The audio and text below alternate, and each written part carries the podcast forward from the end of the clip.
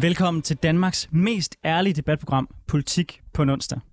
Her inviterer vi hver uge spændende gæster til politisk debat uden spænd og fastlåste politiske positioner. Og hvis du forventer neutrale værter, så er det det helt forkerte sted, du er tunet ind. Ja, for mit navn det er Anders Storgård, og jeg er tidligere landsmand for konservativ ungdom, og så er jeg nuværende kommunalbestyrelsesmedlem på Frederiksberg.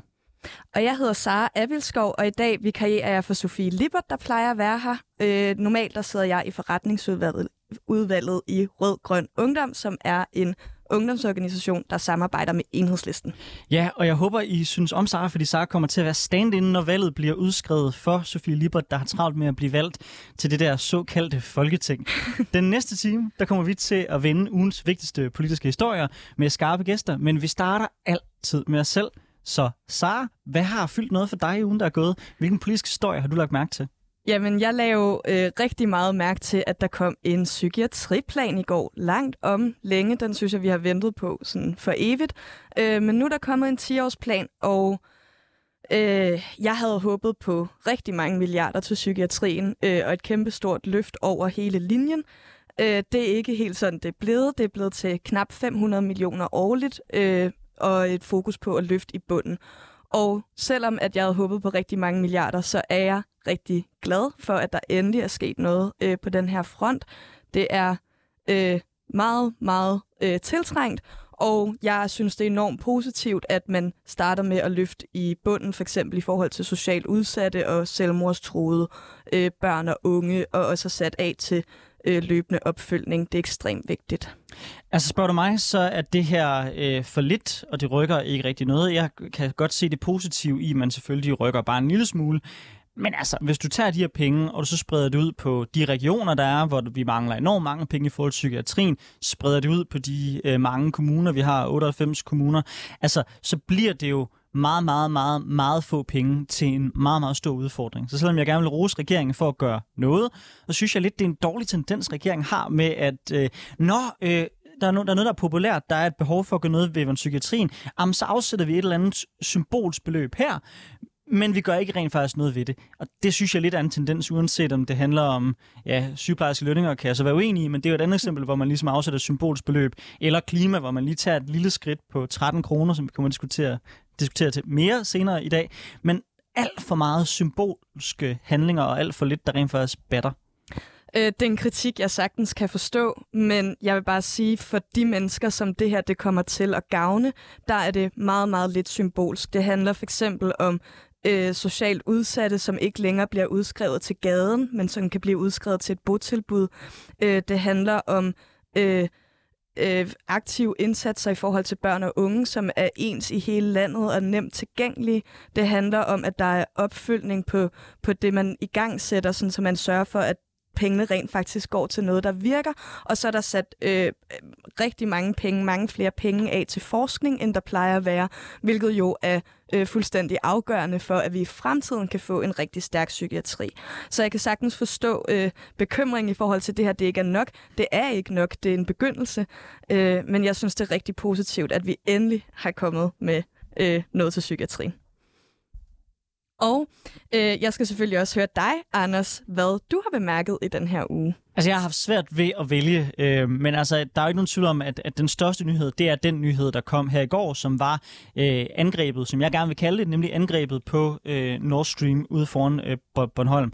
Jeg ved godt, at øh, politisk set, så er det eneste, regeringen kan sige nu, det er, at øh, vi ved, det er bevidst. Vi kan se på seismograferne, at øh, der har været en eksplosion, øh, og de her ledninger, de er sprunget i luften, men vi kan ikke rigtig helt pege på, hvem det er. Altså, jeg vil blive meget, meget overrasket, hvis det her det ikke er Rusland. Og det er så interessant. Hvorfor er det, Rusland gør det her? Det er for mig at se enten, fordi man ønsker at have en undskyldning for at kunne afbryde al gassen, øh, for at lægge ekstra meget pres på Europa, øh, mens man er presset energimæssigt. Det kan også være starten på en ny strategi, de har, hvor de prøver at angribe strategiske mål øh, for at sikre at den europæiske energiinfrastruktur den bliver presset. Det kan også bare være en helt simpel move for at prøve at presse gaspriserne endnu mere op, så de kan skovle endnu flere penge ind, fordi de er trætte af, at olie- og gaspriserne lader til ikke at fortsætte med at øh, øh, gå mod skyerne. Uanset hvad der er motivet, så er det for mig at se ret klart, at det er Rusland, og det er også for mig at se meget klart, at det er et angreb ja, det betyder ikke, at vi skal erklære krig mod Rusland, men jeg synes, det modsvar, man bør komme med fra vestens side, det er at trappe gevaldigt op med sanktionerne øge dem, så skal vi levere markant flere våben til Ukraine, og vi skal holde op med at sætte så mange barriere for, hvilket våben, der kan sendes afsted.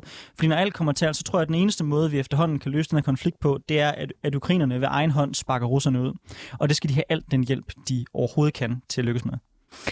Ja, øh, jeg har også været enormt optaget af den her gaslækage. Jeg synes, det er sindssygt uhyggeligt. Jeg synes, det er uhyggeligt af mange grunde. Både det, øh, du nævner i forhold til, til Rusland og den trussel, det udgør, og øh, hvad motiverne bag er, hvad det kan eskalere til. Altså sikkerhedspolitisk er det jo øh, enormt utrygt. Øh, økonomisk er det enormt utrygt. Og i forhold til klimaet, øh, er det også fuldstændig katastrofalt. Altså, jeg læste øh, en, en, en udtalelse fra Greenpeace, der ligesom siger, at, øh, at, at det gas, der ligesom er blevet lækket i Østersøen, det øh, svarer til 8 måneders af Danmarks samlede CO2-udledninger, hvilket er fuldstændig vanvittigt. Øh, så ja, altså, jeg, jeg er enig, altså, åh, vi skal nå til bunds i, øh, hvem der er, der har gjort det. Jeg mistænker også russerne, det er jeg ikke bange for at sige. Øh, og Øh, hvis, hvis det skal have konsekvenser, når vi finder ud af, hvem der er, der har gjort det, og hvorfor det har gjort det, så skal vi have øh, meget, meget hårde konsekvenser øh, i form af sanktioner. Øh, jeg tror, det er meget, meget vigtigt, øh, ikke at komme med en, øh, en, en kriserklæring eller noget, der kan ligne en kriserklæring, fordi jeg er bange for, at den her situation, den eskalerer. Det er allerede en enormt øh, utryg sikkerhedspolitisk øh, situation.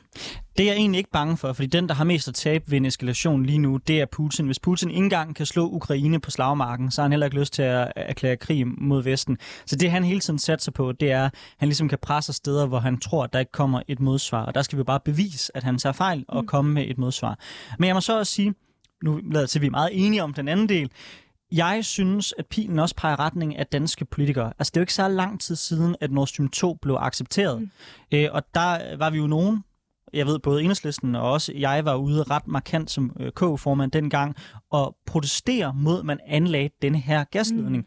Både på grund af den klimamæssige konsekvens, der kunne være, men også på grund af den måde, hvorpå vi blev afhængige af russisk gas man må bare sige, når man kigger tilbage på de diskussioner, vi havde dengang, så viste det sig jo, at alle de faresignaler, som man rejste dengang, de var faktisk måske for moderate i forhold til, hvor stor en risiko der var her. Ja. Og der savner jeg måske, at medierne begynder lidt kritisk at spørge de politikere, der stemte for, ja. at vi skulle tillade Nord Stream 2, hvorvidt de fortryder det valg i dag, og, og, og på en eller anden måde holde dem til ansvar for de beslutninger, som de tog dengang. Fordi det tyder jo på, at, at det var lige så uansvarligt, som vi var mange, der sagde, det var.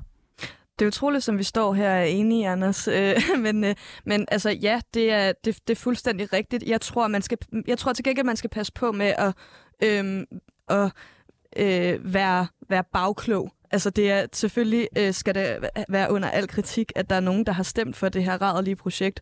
Øh, men, men, øh, men jeg tror, at vi skal passe på med at være bagklog og løse de problemer, som er øh, nu.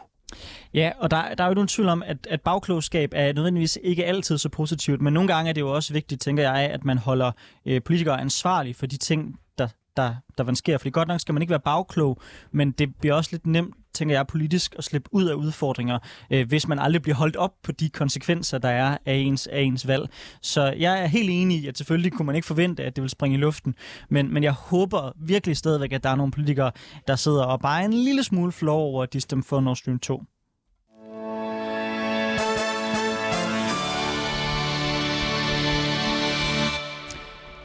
Ja, og her i studiet, der begynder vi så småt at få gæster ind, men først så skal jeg huske at sige, at øh, hvis man øh, synes, at det her er et interessant program, så kan man øh, følge det på diverse podcast-platforme. Man kan også skrive ind på den app, vi har, 24-7-appen, hvor man har mulighed for at øh, byde ind med spørgsmål, idéer til, hvad der skal diskuteres i det her program. Og måske også, hvis man har et emne, som man synes kunne være interessant at få dækket under valget, så er vi meget klar til at tage de vigtigste sager for jer oppe også. Men her i studiet, der har vi fået besøg af den første gæst, og den første gæst, jeg skal byde velkommen til, det er dig, Cecilie Vinter Christensen. Du er øh, fra Dansk Folkeparti, hvor du er folketingskandidat. Velkommen til Politik på en onsdag. Mange tak, Anders. Vi lægger altid ud med at spørge vores gæster, før vi sådan springer ind i selve debatten, hvad der har fyldt noget for dem politisk i ugen, der er gået. Det er sådan en måde, hvorpå vi lærer vores øh, gæster lidt bedre at kende. Så når du sådan kigger ud over det danske mediebillede og ugen, der er gået, ja. hvad har så været den, den nyhedshistorie, der har gjort størst indtryk på dig? Oh, hvad for en er ikke vigtigt for mig. Altså, apropos i går ikke med den her gas, som er blevet lækket. Altså, det er jo fuldstændig vanvittigt. Øh, vi sad i går på kontoret og sad bare og kiggede på hinanden, at det der, det kunne ikke bare være tilfældigt, ikke? Så det viser lidt, hvilken situation vi står i lige nu, og jeg synes, det er rigtig uhyggeligt. Vi diskuterede lidt før, at øh, før du kom her ind i studiet, hvorvidt man bør holde også de politikere til ansvar, øh, som besluttede, at vi skulle have Nord Stream 2. Det var jo sådan, at den går igennem dansk territorie. Ja. Derfor har vi ligesom accepteret, at øh, ledningen overhovedet kunne blive til noget. Øhm, jeg ved ikke, om du fulgte med i den debat dengang, men var vi for naive, da vi accepterede, at Nord Stream 2 kunne blive bygget? Øh, man kan jo altid stå og være bagklog. Øh, man kunne ikke vide dengang, hvad der ville ske. Øh, det havde også en fordel, og nej. Altså, jeg tror ikke, i min, sin vilde, vildeste fantasi kunne forestille sig, at Rusland kunne finde på. Altså, at de her droner øh, under vandet ikke kunne sende ind. Det er jo det, vi tror, der er sket. Ikke? Så nej, jeg synes ikke, vi har været for naive. Men øh, dengang, da, øh, da, da det her forslag om Nord Stream 2 det skulle behandles, der var der jo flere partier, blandt andet Enhedslisten, øh, som er mit eget øh, parti, øh, der var ude og kritisere, at, mm. øh, at Nord Stream 2 skulle, øh, skulle oprettes, øh, ikke for, kun på grund af klimakonsekvenser, men fordi at øh, energipolitik Mhm. altid har været sikkerhedspolitik. Øhm, og, og det er noget, vi særligt ser lige nu. Ja. Øhm, så øh, er det ikke øh, nødvendigt at se bagud og, øhm, og, og, og reflektere over, hvad er, det for nogle, hvad er det for nogle konsekvenser, vi ligesom har, er, er skyld i? Hvad er det, vi har sat i værk ved at indgå sådan nogle aftaler med, med typer som Putin? Jo, altså selvfølgelig skal det tage, vi skal da tage ved lære af det. Altså også når vi ser i fremtiden, så skal vi da lige tænke en ekstra gang over, hvem er det, vi har at gøre med.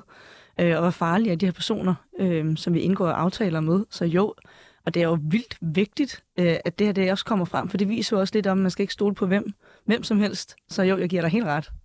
Nu er du også folketingskandidat, øh, og vi går sandsynligvis, ja. Ved det jo ikke, ind i en valgkamp. Øhm, I din optik, hvad tror du bliver de store emner, vi kommer til at diskutere? Altså, hvad oplever du, når du taler med folk mm. på gaden, der er de store bekymringer? Altså, det er jo lige før, at det er at jeg er jo i mit S den her gang, fordi at det er jo, den her gang er det jo psykiatriens tur, er jeg sikker på, og det hører jeg også, når jeg snakker med folk, og det har jo været mit emne i nogle år nu. Så, så jeg er jo rigtig glad for, at endelig psykiatrien er kommet op i lyset, og at vi endelig kan kæmpe deres sag. Og selvfølgelig også klimapolitikken stadigvæk. Det tror jeg er de to emner, som er allermest op. Selvfølgelig er det med inflation og energikriserne, men, men selve de store punkter er overbevist om, er klima og psykiatri. Hvis man undres lidt over, at en repræsentant for Dansk Folkeparti taler om klima og psykiatri, vil du så ikke sætte lidt flere ord på, øh, hvad du mener, øh, der skal. Ja. gøres på de to områder?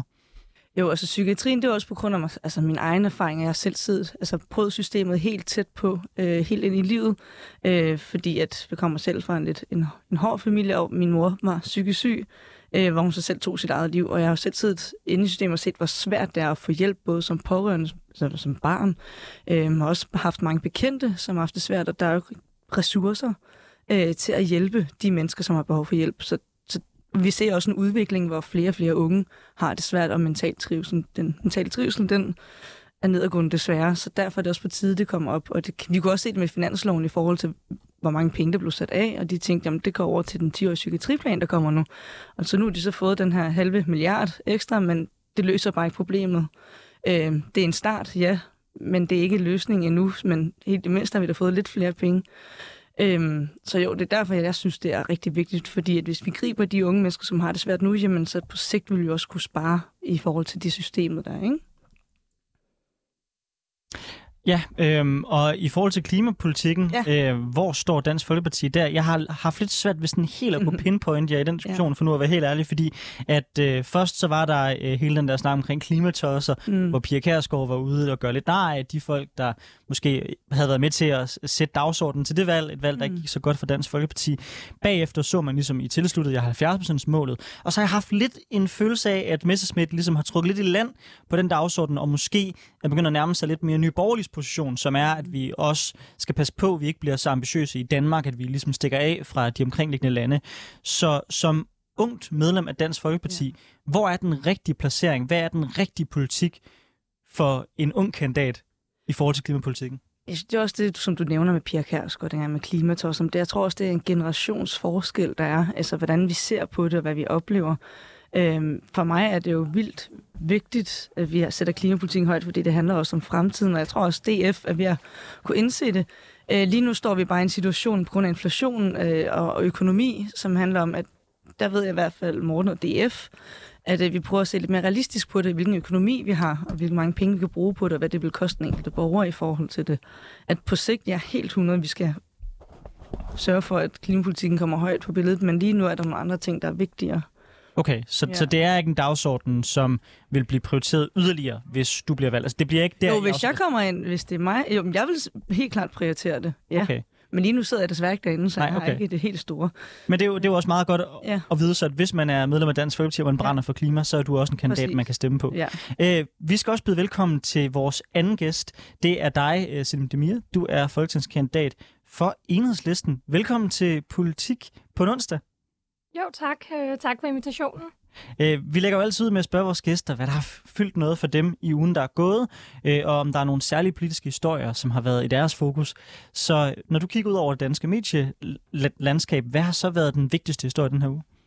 Jeg kan jo ikke lade være med at tænke på akut hjælp og energipriser. Altså, det er jo det er grundlæggende det, der fylder mest for mig. Og jeg ved, det fylder abnormt meget hos rigtig mange, øh, som går og tænker på, hvordan de skal komme igennem den her vinter, og hvordan de skal klare sig økonomisk. Så øh, det er uden tvivl det, der fylder absolut mest hos mig. Hvordan vi ligesom sammen kommer igennem krisen, og ikke øh, efterlader de med færrest, øh, de mindste indtægter på porten, om det er offentlige ydelser, eller om det er, fordi de er i et lavtlønsjob.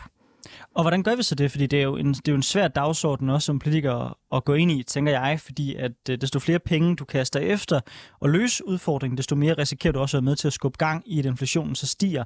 Så hvordan sørger vi for at løfte de folk, der rent faktisk har brug for hjælpen til at klare sig igennem vinteren, til at klare sig igennem de her svære tider, uden vi ligesom kommer til at sætte for meget ild under inflationsbålet? Og det, og det er jo lidt op en øh, udfordring, altså hvordan vi gør det på en balanceret måde. Og øh, der er vi jo kommet med et ret konkret forslag fra enhedslisten om, at vi skal beskatte de overnormale profitter øh, med 15 procent, altså som en engangsskat, øh, hvilket ikke er særlig højt i forhold til, når vi kigger på, hvordan de har håndteret det her andre steder, altså for eksempel i, øh, i England, endda med de konservative og de borgerlige regeringer, der øh, ligger de op til, eller der har de allerede indført en beskatning på normale profitter, som de kalder windfall ta- tax. Den ligger på 25 procent, så vores forslag fra enhedslisten er endda lavere. Hvem skulle tro det, at vi ville beskatte lavere end en konservativ, øh, konservative partier i andre lande? Og det er jo også lidt det, øh, von der Leyen nu ligger op til fra EU. Og det tyder for mig på, at øh, de økonomer, vi har ansat, øh, i hvert fald har, har set et lys der, som øh, mange andre økonomer tydeligvis også godt kan se, for at gøre det på en balanceret måde. Og det, der er med den her engangsbeskatning, som øh, vi lægger op til, det er, at vi udelukkende beskatter den her øh, overnormale profit, og bare lige for at forklare, fordi det er sådan et mærkeligt begreb, så øh, man skal nogle gange huske, at øh, alle ikke lige er med i de samme begreber, som vi går og bruger hos os på enhedslistens gange. Det er den her ekstraordinære profit, man har tjent hjem på grund af inflationen. Det kan for eksempel være på grund af øgede fragtpriser som hos Mærsk. Det kan være hos energiselskaberne. Så det er udelukkende en beskatning på den, på den indtjening, den ekstraordinære indtjening. Og så vil vi så samtidig gerne bruge de penge til at give til de to millioner danskere i vores land med de laveste indkomster, så de også har en chance for at kunne overleve den her krise. Jeg tror, du og jeg kunne bruge et helt program på at diskutere, hvorvidt der overhovedet er noget, der hedder overnormal profit, hvordan man måler det, og hvorfor at det ikke er sådan lige til bare at sammenligne med øh, det britiske strømmarked, der er helt anderledes end det danske. Men jeg vil hellere i virkeligheden have dig på banen, Ce- Cecilie fra Dansk Folkeparti. Øhm, er det sød musik i dine ører, det her med, at der er nogle selskaber, der skal betale mere for at sikre, at den almindelige dansker øh, kommer bedre igennem krisen? Så kan det godt være, at man kan være uenig i de modeller, enhedslisten mm. kommer med, men, men er du åben over for ideen om, at det er selskaberne, der ligesom skal bære byrden for inflationen? Oh, jeg synes, det er så svært, fordi alle har det svært lige nu. Ikke? Øhm, men jeg er helt enig i de svageste. De skal selvfølgelig have hjælp. Altså, de, det er jo helt vildt, når vi kigger på gasregning, elregningen, hvor højt den er steget. Og vi kan jo ikke bare finde pengene øh, på et pengetræ, så man bliver jo nødt til at tage pengene fra et sted.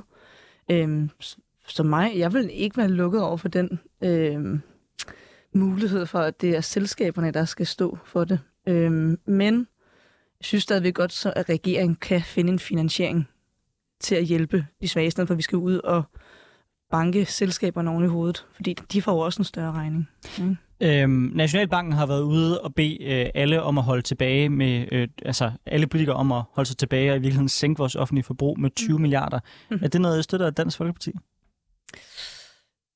Der må jeg, helt ærligt, det kan jeg ikke svare på for Dansk Folkeparti's vej, for det ved jeg faktisk ikke. Det er helt ærligt. Det er helt i orden. Cecilie og Sinem, velkommen til Politik på onsdag. Nu går vi over til selve debatten.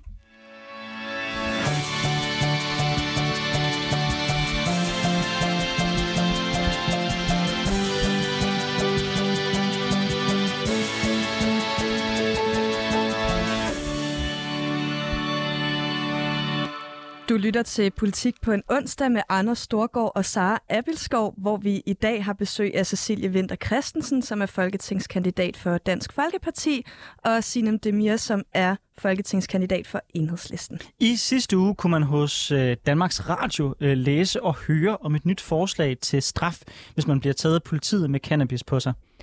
Misbrugseksperten Henrik Rendom øh, foreslår, at man i stedet for at få en bøde skal sendes i behandling.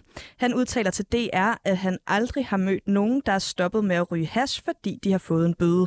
Enhedslisten, Radikale, Ny Borgerlige og SF er positive over for ideen, mens Liberal Alliance og Dansk Folkeparti er imod. Mm. SF vil nu stille forslaget i Folketinget, altså forslaget om ikke længere at give bøder til folk, der bruger cannabis, hvis de skal gå i behandling for deres misbrug. Og ambitionen for SF's retsordfører Karina Lorentzen er, at vi i højere grad skal betragte afhængighed af cannabis som et øh, sundhedsproblem, end som et kriminalitetsproblem. I dag vender vi debatten om cannabis. Cannabis. Øh, først skal vi gøre, som SF's retsordfører foreslår, og betragte debatten som en sundhedsdebat i stedet for en retsdebat. Og betyder det i så fald, at vi helt skal legalisere cannabis? Cecilie Vinder Christensen, ja. hvad siger du til ideen om at fjerne bøden for brug af øh, cannabis, jeg kalder det bare has øh, fra, fra nu af, øh, og erstatte den med krav om behandling? Jeg kan egentlig godt lide ideen med det. Det er ikke fordi, at den er imod, men du kan jo ikke øh, sige, at der er en, der bliver taget med det, og så sige, så skal du i behandling, hvis ikke du har et misbrugsproblem. Så skal du have to muligheder, hvis der er. Så skal du have mulighed, enten skal du få en bøde, eller så kan du gå i behandling. Du kan ikke sige enten eller. Jeg tror, hvis der er nogen, der kigger på den udvikling, vi har set de sidste mange år, og siger, okay, den politik, vi har nu, den virker ikke. Er det i virkeligheden, altså er det strafvejen eller behandlingsvejen, der i din optik er den rigtige vej? For det er jo fair nok også at sige, okay, der er nogen, der ikke har misbrug, mm. men stadigvæk synes jeg jo, at det er fair nok at stille spørgsmålet, hvilken vej sådan rent principielt bør vi gå? Men jeg synes også, det er en, øh, man kan ikke sætte det sådan sort og hvidt op. Det, hvis du tager en, der sælger, altså en pusher, siger, så skal du gå i behandling, men han har nok ikke et problem, så er det da bedre at give ham en bøde og give ham en straf for det i stedet for. Men altså, skal han skal have muligheden for det. Selim Demir fra Enhedslisten, øhm, hvad tænker I om SF's forslag, og hvad, hvordan forholder du til den kritik, der kommer fra Cecilie om, at øh, der er også rigtig mange, øh, der øh, ryger cannabis eller hash jo, øh, uden de nødvendigvis har et misbrug, og bliver det ikke lidt mærkeligt at prøve at tvinge dem i en misbrugsbehandling? Altså først og fremmest, bare lige sådan, så der ikke hersker nogen tvivl, det har jo altid været enhedslistens politik at legalisere cannabis, eller vi skulle kalde det hash fremover mm. i mhm. debatten. Det har jo altid været enhedslistens politik at legalisere hash, øh, både fordi, når man kigger på det på et, øh, fra et sundhedsperspektiv, og på hvor skadeligt det er i forhold til andre rusmidler, er der ikke den store forskel. Og netop for at fjerne det her tabu, hvis man så øh, har brug for noget behandling. Det er jo også lidt for at fjerne det tabu i forhold til behandling, at vi gerne vil legalisere det. Og så er der jo også det økonomiske perspektiv og banderne og alt det, og det behøver vi ikke at gå ind i øhm, nu her. Så øh, i forhold til det her forslag fra SF, gerne, altså hellere, hellere at vi giver muligheden for behandling, hvis der er nogen stofbrugere, der siger, at de har, altså, at hvis vi kan give dem behandling, fordi at de ikke har lyst til at bruge det mere, og de mener, de har en afhængighed, de gerne vil ud af, i stedet for, at vi giver dem en bøde. Og når man taler om bøder, altså, så er det jo også rettet imod de forkerte. Jeg synes aldrig, det er brugernes skyld. Det er tværtimod dem, der sælger det, vi skal kigge på, hvis vi skal tale om bøder, og hvis vi, hvis vi skal kigge på straffe. En ting er den principielle diskussion, men synes du så, at det her forslag er at gå langt nok? Altså, er I tilhængere af, at man skal tvinge folk til at gå i behandling, hvis de bliver taget øh, for cannabis? Eller er det i virkeligheden et endnu, en endnu mere fri situation, I gerne vil have, hvor man i virkeligheden bare siger, ved du hvad, det må, det må folk selv finde ud af? Jeg går ind for den mindste øh, forbedring Så, øh, det er jo sådan et øh, mantra, vi har i enhedslisten, så selvfølgelig synes jeg, det her er en forbedring i forhold til den lovgivning, vi har. Og hvis det så betyder, at øh, der er nogle stofbrugere, som egentlig ikke har lyst til at være stofbrugere, fordi de har fået en afhængighed, kan komme ud af det, så gerne. Altså, så, altså jeg tænker, hvis... Men, hvis, men er I tilhænger af krav om behandling? Om vi er tilhængere af krav om behandling? Ja. Vi er tilhængere af, at man kan få behandling, hvis det er det, man har brug for. Og jeg vil hellere have, at man får behandling, end at man får en bøde. Cecilie? Nej, men vi kan bare tage et eksempel på en ryger. Hvis du tænker en ryger til at komme til et rygestop, men en person ikke har lyst til at stoppe, så er det fuldstændig spild af penge og ressourcer at skulle tvinge folk ind i, øh, i misbrugsbehandling. Og for det andet, har, når vi snakker om legalisering af cannabis eller hash, nu kommer vi til at sige begge dele nu, så er det jo i strid mod FN's narkotikakonvention, så jeg kan slet ikke forstå, at vi snakker om at legalisere det. Det er jo ikke... Altså, vi har jo mulighed for at øh, have forsøgsordninger i Danmark, og det er jo også det, er jo også det vi flere gange øh, i borgerrepræsentationen har forsøgt, altså i Københavns Kommune har forsøgt fra enhedslistens side. Vi skal bare have et go fra regeringen. Så det kan altså godt lade sig gøre. Så vi skal gå imod den. vores lov i Danmark. Jamen, der, der, er vel, der er vel flere lande, øh, også globalt, der har valgt at se på at køre en mere fri lovgivning, end den vi har. Men de går også Danmark. om reglerne og lovene, så er det fordi, de lukker øjnene. Du mener simpelthen, det er i modstrid med de regler, der er? Altså, det, det, Ja, for eksempel øh, Holland, ja. De jo lukket øjnene og valgt, og det er også derfor, at man skulle gå ind og bagindgangen på de her shops. Og i dag har man jo valgt, at, øh, at det kun er borgerne, der bor der, fordi der kan være for mange turister. Øh, så nu er det kun bo- øh, de borgere, som bor i byen, som kan få lov til at gå derind. Jeg skal bare forstå, hvad, hvad er din kilde på, at det er øh, brud på loven, det man øh, laver i Holland, og det man, og det man laver i det. Portugal? Jeg har en udtalelse med fra øh, Justitsministeriet om det.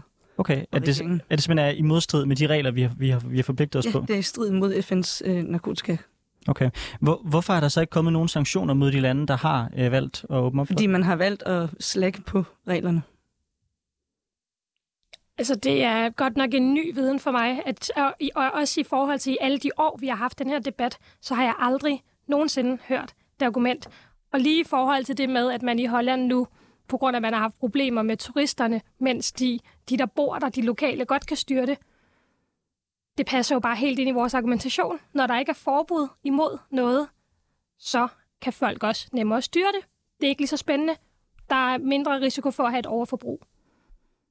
Jamen, Jeg er simpelthen ikke enig. Det er simpelthen ikke, at man kan selv se, hvor store problemer der er. Jeg kan heller ikke forstå, at de siger, hvis, der skal være, hvis vi siger, at vi legaliserer det, ikke? hvad skal aldersgrænsen være? aldersgrænsen skal være 18 år. Ligesom, Men når man ser på undersøgelsen, så er det jo børn eller unge ned til 16 år. Skal de så stadigvæk gå hen og finde pusher? Det, er jo, det er jo det samme som, øh, når vi snakker om øh, hårdere alkohol. Du kan som ung heller ikke gå ind i en kiosk og købe whisky. Så hvis du så ender med at finde whisky et andet sted, det kan vi jo ikke tage højde for, men lovgivningen siger, at du skal være fyldt 18 år for at kunne købe øh, rusmidler, øh, der er stærke, og det vil jo være det samme i det her tilfælde. Så du synes, det er helt okay, at en 16-årig så går ned til en pusher? Jeg synes ikke, det er oplagt, men med den lovgivning, vi har i dag, hvor det er ulovligt, er der også 16-årige, der tager ned til en pusher. Så på den måde kommer det jo ikke til at gøre en forskel for de 16-årige, uanset hvordan lovgivningen er. Ja, og, og man kan jo sige, hvis, hvis vi har legaliseret cannabis, så har vi jo meget bedre mulighed for øh, løbende at have kontrol på det, der bliver solgt, sådan så at det, der øh, bliver solgt til øh, måske mindreårige, er mindre øh, farligt. Øh, vi har meget bedre øh, styr på, øh, Øh, hvem det er, øh, bagmændene er for det her, fordi, øh, altså, fordi vi ikke går efter dem, der bruger det, men dem, der sælger det. Øh, der, er, der er meget, altså lige nu, så er det jo ikke noget, folk tør tale om. Lige nu er der jo kæmpe tabu omkring det her med at være øh, for eksempel hasmisbruger. Og det er også rigtig svært at få hjælp som hasmisbruger, fordi der er den her dobbeltdiagnostiserings øh, øh, problematik i sundhedsvæsenet med, at øh, man falder igennem forskellige behandlingssystemer, hvis man både har en psykisk lidelse og, øh, og er, er misbrug af en eller anden art. Så hvis vi kunne få nogle mennesker i behandling for deres misbrug, vil det så ikke være en, en positiv ting all around, både for sundhedsvæsenet og for hvilke øh, ressourcer politiet for eksempel skal øh, bruge? Altså nu, hvis, hvis man siger, det, man legaliserer det, og så kan du købe, et, jeg ved ikke hvad sådan noget, et gram for 50 kroner nede på apoteket i en vis ren form, så tror I virkelig, at de bander, eller de mennesker, som er i rockermiljøet eller bandemiljøet, de siger, nå, men du kan ikke sælge hash, så stopper jeg med at være rocker eller bande. Eller, så siger, tænker jeg, da, de 100% vil gå ind og sige, at det koster 50 kroner med den THC's niveau. Så vil de jo klart sætte prisen ned, og så gør det måske renere, så det stadigvæk er mere attraktivt for den almindelige, dem, der vil have det. Og vi kommer til at diskutere den fulde legalisering senere ja. Øh, i det her program også, men lige før vi går, vi går, vi går videre til det, øh, så vil jeg egentlig spørge ind til et argument tidligere i forhold til internationale konventioner på det her, på det her punkt. Øhm, er det et bærende argument for jer i Dansk Folkeparti, at vi ikke øh, skal åbne op for at afkriminalisere det, øhm, på grund af, at vi er bundet af internationale konventioner, eller mener I på det punkt, at Danmark skal være fri til at beslutte, hvad de gerne vil? For du brugte det som et afgørende ar- argument for jer, og det undrede, undskyld, jeg siger det mig lidt, fordi normalt så plejer jeg jo ikke lige frem at være, være fans af internationale bindinger. Nå, men så længe vi er... Jamen, hvis vi skal have det legaliseret, jamen, så synes jeg da klart, så skal vi da ud af det. Altså, det er jo bare sådan, som reglerne er. Jeg synes, vi er et lov- og ordenland. Så jeg kan ikke helt se, at, hvorfor det egentlig er på tale, så længe der er nogle regler, der siger det. Det, det, det, det er for mig, det handler om. At jeg synes, det er en... Ja.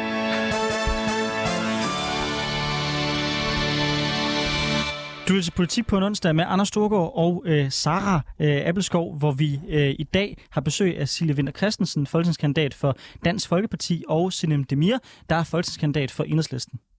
En ting er afkriminalisering, og noget andet er en fuld legalisering af cannabis. Et forslag, som oftest høres i øh, ungdomspolitik, men rigtig sjældent når helt ind på Christiansborg. Venstrefløjen peger i den sammenhæng ofte på afkriminalisering, altså en ordning, der minder om det, vi hidtil har talt om, hvor man ikke straffes for forbrug. Dette kan så suppleres med f.eks. krav eller tilbud om behandling. Øh, og argumenterne for en legalisering, de handler ikke kun om misbrug, men også om for eksempel at tage markedet fra banderne og sikre en renere handel, hvor man har mulighed for at have kontrol med kvaliteten af øh, det cannabis, øh, der sælges, og måske endda indkræve afgifter, der kan bruges på misbrugsbehandling. Cecilie Winter Christensen, øh, hvis ikke en afkriminalisering er vejen, hvordan hjælper vi så bedst folk ud af deres misbrug? Og jeg har ikke sagt, at en afkriminalisering ikke er vejen, men jeg har sagt, at der skal være muligheden. Man kan ikke tvinge alle, der bliver taget til at komme i misbrugsbehandling. Okay. Men du Så- muligheden for det, synes jeg klart er ideelt. Så I er tilhængere af en afkriminalisering? Du, skal have, du kan ikke sige det ene eller det andet. Det skal være, enten kan du få en bøde, eller så kan du få, komme i misbrugsbehandling. Okay, så jeg skal forstå det rigtigt. Ja. Bare lige sådan for øh, øh, argumentere, øh, modargumentere på et oplyst grundlag. Så du mener ikke, at vi kan tvinge alle i misbrugsbehandling, fordi det er ikke alle, der har lyst, men at vi derimod skal sige, du kan enten vælge behandling, eller også så kan du vælge at tage bøden. Det, det kunne da være rart, at vi endelig kunne spørge, om de vil i behandling. Men det er jo ikke alle... Vi, vi snakker som om, vi putter alle i en boks, som alle er misbrugere. Nej, Er jeg der- bruger ordet stofbruger, det har jeg Ja. gjort hele vejen igennem. Det var for at bruge ordet tilbage og citere korrekt. Men der er en, der for eksempel, der ryger en efter arbejdet øh, hver tredje uge. Skal han, skal han eller hun i en misbrugsbehandling? Altså, hvis, stod, hvis det stod helt til mig og til hele enhedslisten, så skulle det være legaliseret. Men med det her forslag, så, øh, så, vil jeg, så øh, synes jeg, at det skal hedde, apropos enten eller, Mm. hej, du er blevet taget med det her. Her er der mulighed for, øh, her kan du komme i behandling. Drop bøden. Cecilie Winter Bøde og Christensen, straf virker ikke. Cecilie Winter Christensen øh, du mener, som jeg forstår det, ikke, ikke, ikke at man kan sige enten eller, men så lad os forholde os grundlæggende til hele bødedelen. Mm. Øhm, de folk, der ikke er misbrugere. Ja. tror du, bøderne har en effekt på, hvor mange, der rent faktisk øh, ryger cannabis? Øh, nej, hvis du gerne vil ryge, så ryger du. Altså, det er jeg selv overbevist om. Altså, Men er det, er det så den rigtige måde, vi gør det på i dag? Nej, men hvor, et godt hvor... eksempel er jo mig selv, for eksempel, da jeg mistede min mor i 2020. Jeg var helt nede i kulkæm. Hvis jeg kunne gå ned og købe hash, så havde jeg gjort det. Og jeg tror ikke, jeg ved, hvordan det var endt for mig, hvis det var. Men da jeg ikke kommer i sådan et kriminelt miljø, og jeg skal ikke ud i noget, ergo så gjorde jeg det ikke. Og det er det, jeg frygter, at der er rigtig mange, der står i en situation, hvor de dulmer deres naver, og de så vil gå ned og købe det. Og så pludselig skulle jeg i en misbrugs eller behandling, hvis jeg blev taget med det, hvis det var. Altså, derfor jeg holder... Jeg, jeg synes, det er forkert, at det bliver nemmere at få fat i. Ja. Men vi har jo set eksempler på, øh, altså også i Europa, i Portugal for eksempel, hvor at man øh, har indført en lignende ordning øh, med afkriminalisering, hvor man øh, tilbyder øh, misbrugshjælp til, til, til, til øh, stofbrugere eller hashbrugere, mm. øh, hvor der har været en rigtig positiv effekt, hvor der er færre, der ender i misbrug, Mm. øh, og hvor at det er de rigtige mennesker, det vil sige bagmændene, som øh, får de store bøder og de store fængselsstraffe. Øhm, så så, så tro, hvorfor tror du, at det vil være anderledes i Danmark end i Portugal på den front? Det kan jeg ikke sige. Vi har ikke prøvet det. Altså som sagt, øh, som og så enhedslisten foreslår, at vi skulle prøve det for eksempel i Københavns Kommune. Jeg frygter bare, at der er flere unge, der vil falde i, og det, det er sådan en frygt, jeg har. Øhm, og det er det samme med alkohol. Det er fordi, vi har haft det så mange år. Jeg synes også, det skulle sættes op til 18 år, hvis jeg skulle stå for det. Altså, men ja, så står Anders og, og ruller lidt med øjnene af mig, men det er helt fair. Altså, men, men afkommunisering, jo, altså, hvis man har et problem, jo, så endelig sørg for, at de kan få hjælp med det, der handler om i alle situationer. Altså, der er også folk, der er psykisk syge, der skal få hjælp, men de kan heller ikke få hjælp, fordi der er ikke penge til det. Det handler også om at have pengene til at kunne tilbyde os et misbrugsprogram. Ikke? Det er jo et klassisk argument, man mm. ofte hører i diskussionen om cannabis. Hele det her spørgsmål med, hvis vi afkriminaliserer det, eller vi går et skridt videre og legaliserer det, jamen så vil der være flere folk, der vil komme til at ryge det og komme til at tage de stoffer, vi legaliserer, fordi det bliver mere normaliseret som en norm i samfundet. Så er du ikke bange for, at jeres politik måske kan hjælpe med at få nogle folk i behandling, men måske omvendt så også kan resultere i, at flere folk kan krybe ud i et misbrug i første omgang, fordi det bliver mere normaliseret af samfundet? Altså hvis vi kigger på eksempelvis, da Holland øh, gik legaliseringsvejen, eller hvis vi kigger på andre øh, lignende sager med, der har jo været alkoholforbud og så videre i andre lande, så kan vi jo se, nej, nu, jeg holder mig lige til Holland-eksemplet, fra dengang de legaliserede det, så kunne man jo netop se, at de første par år, så kom der et øget forbrug. Altså det siger, altså det, og hvilket er meget logisk, at når noget bliver legaliseret, så er der flere, der tænker, det skal jeg da lige prøve. Men det er også der, den ofte ender. Det skal jeg da lige prøve. Efterfølgende så er tallet for brugere i Holland i forhold til de første år faldet, og det tror jeg også vil være tilfældet herhjemme. Så jeg er enig i, at hvis vi når dertil, at vi, at vi legaliserer det, så vil der være øget forbrug de første par år. Men så vil det dale igen, fordi det bliver normaliseret. Det bliver en del af hverdagen på samme måde, som de lokale i Holland i dag ikke har et overforbrug. Men at det er turisterne, der kommer til og tænker, hvor er det vildt, det her det må vi ikke der, hvor jeg kommer fra, som går amok, som har et problem. Jeg tror lige for lytterne er det også vigtigt lige at øh, øh, skitsere, hvad forskellen på afkriminalisering er, mm. og hvad legalisering er. Ved en afkriminalisering, så mm. siger man jo, at det er, øh, det er et spørgsmål om, at hvis du bliver taget, jamen så rører du måske i behandling, i stedet for, at du får ikke en sådan klassisk straf, hvorimod man stadigvæk prøver at ramme banderne. Ved en legalisering, så siger man, okay, lad os prøve at få en kontrolleret måde at sikre salget på. Og det er jo, det er jo lidt to forskellige mm. modeller, mm. som, som vi, vi opererer med her. Og Cecilia, som jeg forstår dig, så er I egentlig ret skeptiske over for begge modeller modeller. Mm. Ja, men det er også samtidig, jeg tænker også, altså, det giver bare ikke mening for mig, at vi prøver også for eksempel med cigaretten, det må vi ikke ryge, men vi skal legalisere has. Den forstår jeg heller ikke noget af. Altså den kombi. Og det samme også, når man snakker om øh, valg, altså, kampagner. Men, alkohol er farligt, rygning er farligt, men der har aldrig været en kampagne om, at hash er farligt. Man har brugt en eneste krone på at lave. Altså, jeg kan ikke se, jeg kan ikke forstå, at den der, det er overhovedet er på tale, at man skal legalisere hash. Altså, Ah, det, det, vil ikke, ikke, det vil ikke strengt men... talt helt korrekt. Der er historisk set brugt ret mange penge på at sikre generelt set og advare unge mod at tage stoffer herunder ja, cannabis. stoffer, men ikke decideret hash. Cannabis. Nå, det er nej, hårde stoffer. Men der har man, der har man også fokuseret på det. Nå. Nå. det. Men så længe, øh, så længe hash det stadig er kriminelt, så er det vel stadig kategorien hårde stoffer, som man adv- altså advarer. Hash er jo øh, sådan set ikke, ikke et party Nej, men som man advarer unge mennesker imod. Altså når man laver kampagner om, øh, at man ikke skal øh, tage stoffer, så så længe hash er kriminelt, så gælder det vel også hash. Æh, det står der ikke i kampagnen, som de selv har skrevet her, som jeg, vi har fået et spørgsmål eller svar på fra Sundhedsministeriet. Æh, der står, det er party drugs, og det tænker jeg, hash ikke går ind under.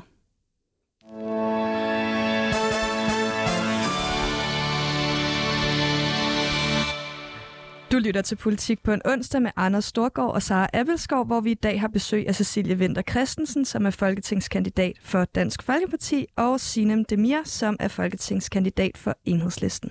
En ting er afkriminalisering, noget andet er en fuld legalisering af cannabis. Vi er allerede ved at være kommet godt ind i den her debat, fordi det er diskussioner, der ofte øh, bliver blandet sammen. Men det er et forslag, som ofte høres i ungdomspolitik, og som sjældent når helt ind på Christiansborg.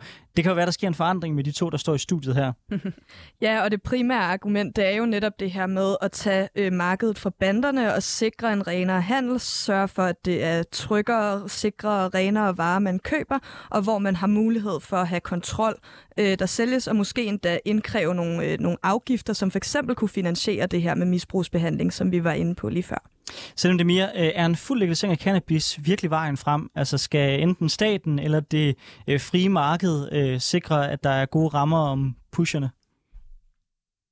Det har været øh, enhedslistens politik fra start, at vi går ind for fuld legalisering af cannabis, og at det skal være statskontrolleret, så vi kan have noget sikkert, rent øh, stof, der kan købes eksempelvis på apoteker, hvor man har mulighed for at læse om bivirkninger, ligesom når man køber alt andet. Både om det er cigaretter i kiosken, eller om man køber, øh, om man køber medicin på apotekerne, at man ved, hvad man indtager, at man ved, hvad man putter i sin krop, og at man også ved, at hvis det er, at øh, man føler, at man ikke kan styre det, at man føler, at man får en afhængighed, at det ikke er tabu at søge om hjælp til Ja. at komme ud af sin afhængighed, ligesom det heller ikke er tabu at søge om rygestop. Skal staten så også producere stofferne?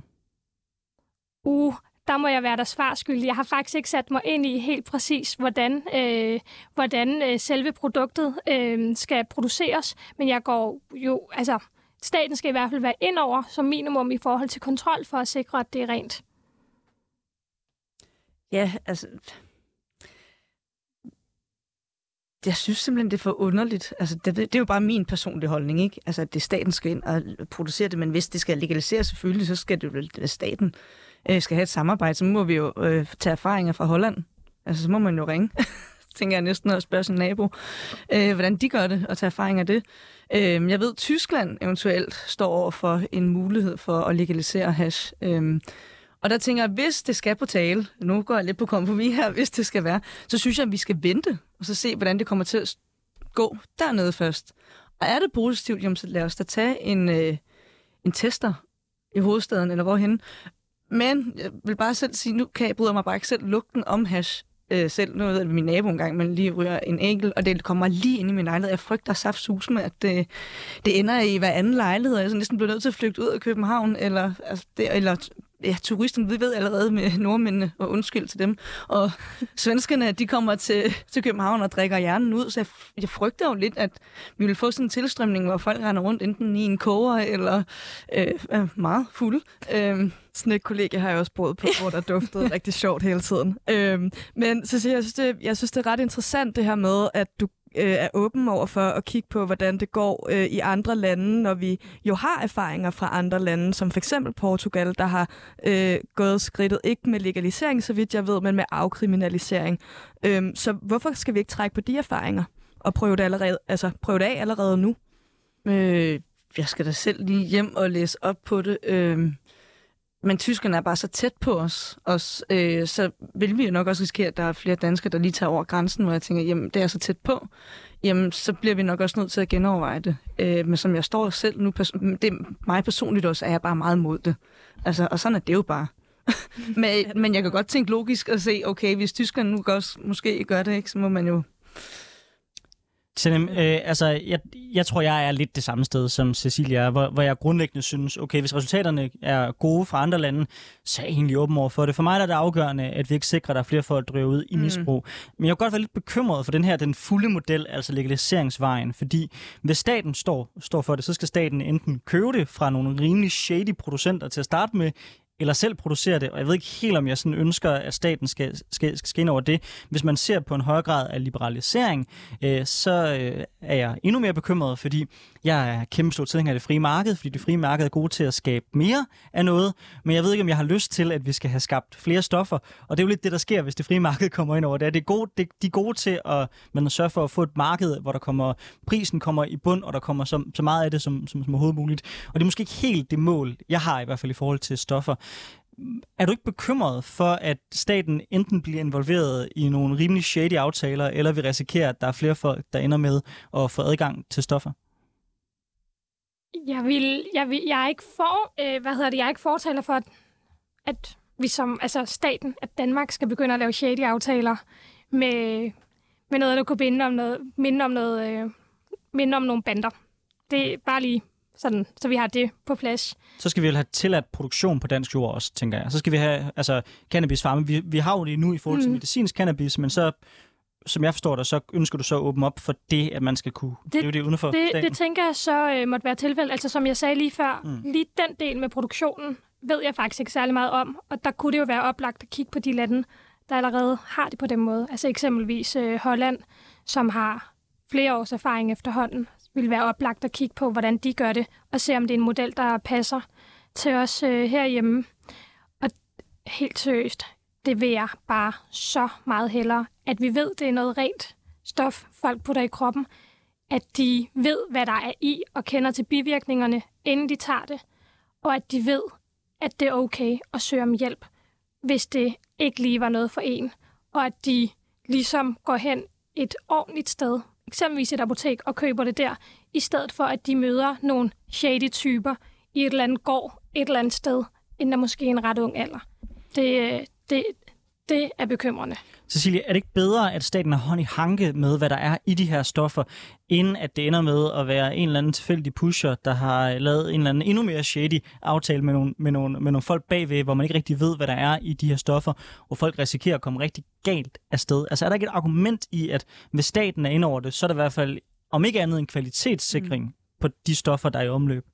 Jo, helt sikkert. Altså, men, men der er jo også for eksempel fikserummet på Handelstorvet, der kan du gå ned og få testet det, du får købt princippet. Og det, sådan nogle steder synes jeg, det kunne være federe at få nogle flere af, hvor man kunne få testet de stoffer, man køber. Men er det ikke lidt urealistisk, at øh, nogle folk, der går i gymnasiet og som skal ryge has, oh, jo, de så går ned, jo, jo. og så får de tjekket deres ja. stof?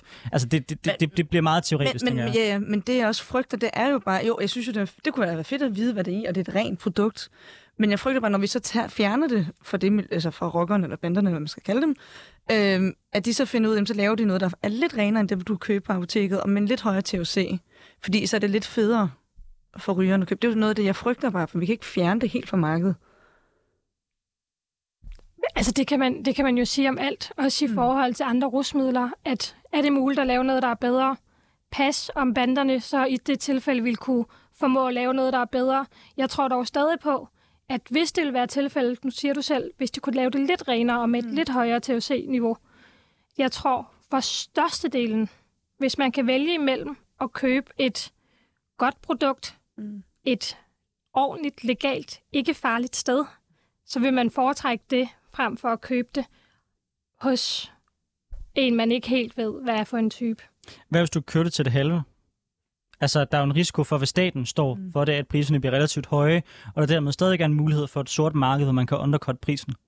Og det var, og det var derfor, jeg sagde, det er jo tilfældet med alt i verden. Altså, det er tilfældet med alt. Også, øh, altså, for at køre den helt ud, også i forhold til, om du vælger at købe noget, øh, noget i en butik, eller om du vælger at købe en hælervare, altså bare for at tage den den vej. Så det kommer, det kommer jo an på den enkelte. Og jeg tror bare, hvis den enkelte, eller at der er flere, der får muligheden for at købe det et ordentligt sted, at vi legaliserer det, så tror jeg også, at flertallet vil vælge den legaliserede ordentlige vej på et apotek, også selvom det er dyrere. Men selvfølgelig vil der altid være nogle mennesker i vores samfund, der vil være fristet af at gøre noget, der ikke er ordentligt. Altså vi kan ikke gøre noget som helst 100% ordentligt. Det, det hører ikke til den menneskelige ånd, Men sagt. Det synes jeg er sjovt, fordi det er jo præcis det samme argument, folk plejer at bruge, når de står over på min side, mod det argument om, at lovgivningen ikke fungerer i dag, og sige, jamen, lov, lovgivningen fungerer måske i dag. Altså, vi kan ikke forhindre alle folk i, i at ryge has, men vi tror på, at lovgivningen, som den er i dag, forhindrer en række folk i at tage has. Så øh, kan man ikke bruge det samme argument den anden vej, at så har vi ikke noget problem, fordi vi kan aldrig forhindre, at alle folk tager hvad hedder, stoffet. Så måske er den lovgivning, vi har i dag, med til at sikre, at der er færre folk, der, der gør det, og dermed den bedste ud af de dårlige valg, vi har. Med den lovgivning, vi har i dag, så er der mange mennesker, der netop køber et muligvis urent produkt hos nogle shady-typer, uden at kende til bivirkningerne, og uden at have mulighed for at søge om hjælp, fordi det er tabu, fordi de ved, at de har gjort noget ulovligt. Hvis vi går hen og som minimum afkriminaliserer, men endda legaliserer stoffet, er der langt færre, der vi mødes med nogen, der ligesom er shady typer. Så på den måde, så synes jeg, det er en kæmpe sejr, at der er langt færre, der skal mødes med de her shady typer, og at der er langt færre, der putter noget i kroppen, som de ikke har 100% garanti på, hvad er, og at der er langt flere, der rent faktisk kan få behandling, hvis de føler, at de, at de, ikke, kan, at de ikke skal bruge det her stof mere, og at de ikke skal være stofbrugere mere. Altså, Øh, nu øh, ved jeg bare, at jeg har kendt rigtig, rigtig mange, som har misbrug med hash. Altså virkelig, også under min HF øh, og venner efterfølgende. Øh, og der var ikke nogen shady typer, de, de skulle ud og købe, og alt gik frem og tilbage, og de vidste lige præcis, hvor rent var det i forhold til, og hvad kostede det i forhold til de andre på den anden, du ved, bla, bla, ikke?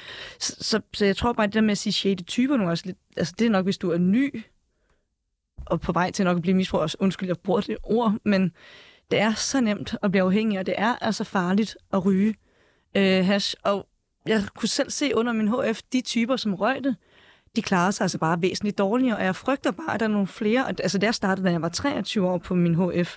Så det var jo voksne mennesker. Det var ikke noget med, at det var 16 eller 17-årige.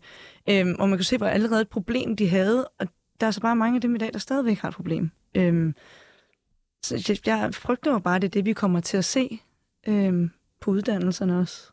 Ja, øh, og det er jo, altså man kan sige, jeg genkender dit billede, jeg kender også mange, øh, og jeg vil da ønske, at de fik hjælp. Jeg kan have en bekymring om, at man øh, netop ikke kan få hjælp som misbruger, eller det er svært at få hjælp som misbruger, fordi vi har kriminaliseret dem, fordi vi har gjort øh, mennesker, der bruger øh, hash, øh, kriminelle. Så tror du ikke, at det er en, det er en stopklods i, i vores samfund for at sådan, øh, øh, sikre øh, god misbrugsbehandling, at vi har kriminaliseret mennesker med misbrug? Men jeg håber, at hele den her snak kan være med til at aftabuisere det. Altså, at vi skal være snak mere åben om det.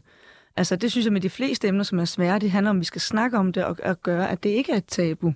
Det synes jeg også er vigtigt. Altså, det betyder ikke bare, at det er kriminaliseret eller afkriminalisering, at om så er det et tabu. Altså, lad os da snakke om det i stedet for os at få det ud, og så lave nogle øh, grupper eller nogle fonde, der kan hjælpe til i stedet for. Jeg tror bare ikke, det er nok at snakke om det, for at det ikke er tabu i forhold til at søge behandling. Vi bliver som minimum nødt til at afkriminalisere det for at folk... Altså det der med at sidde der og tænke, det, hov, jeg, jeg, kan, jeg, kan, jeg, kan ikke, jeg kan ikke selv, jeg kan ikke styre det her mere. Jeg skal, jeg skal ud af det her. Men det, jeg gør, bliver, bliver opfattet som øh, noget kriminelt i det land, jeg bor i. Så er det altså svært at gå hen og søge hjælp. Ej, det er ligesom hvis du er ja, øh, hvad hedder det, alkoholiker og søger om hjælp. Altså, det, det, det passer ikke. Det, det er ligesom også der med politiet også omkring, øh, de havde det svært psykisk diktur, fordi det var et tabu, at man havde det svært. Men da vi så fik det op at køre, og vi snakkede om det, jamen, så turde politi- altså, de mennesker i politiet godt at sige, jamen jeg har det fandme svært. Altså hjælp mig. Og så med det samme nogen, der råber hjælp, jamen, så skal vi gribe dem i stedet for. Men de eksempler, du tager, der er folk jo ikke kriminaliseret. Altså med alkohol. Selvom der er noget tabu i det, jo jo, selvfølgelig skal vi snakke om det men de bliver heller ikke opfattet som kriminelle, fordi de har et alkoholforbrug. Øh, Nej, men hvis der er nogen, der råber efter hjælp, uanset hvad, om det er så en narkoman, jeg snakker med nede på Halmtorvet, hvis han har brug for hjælp, så hjælper jeg ham. Og det er rigtig godt, at du hjælper ham, ja. men spørgsmålet er, Lad os om han... hjælpe hinanden i stedet for. Cecilie Vinder Christensen og øh, Selim Demir, tusind tak, fordi I var med i Politik på en onsdag. Hvis man synes, det her det var interessant, så kan man finde det her podcast og mange andre på den podcast-platform, man typisk bruger. Vi anbefaler selvfølgelig vores egen 24-7-app, og vi er her tilbage igen i næste time efter nyhederne.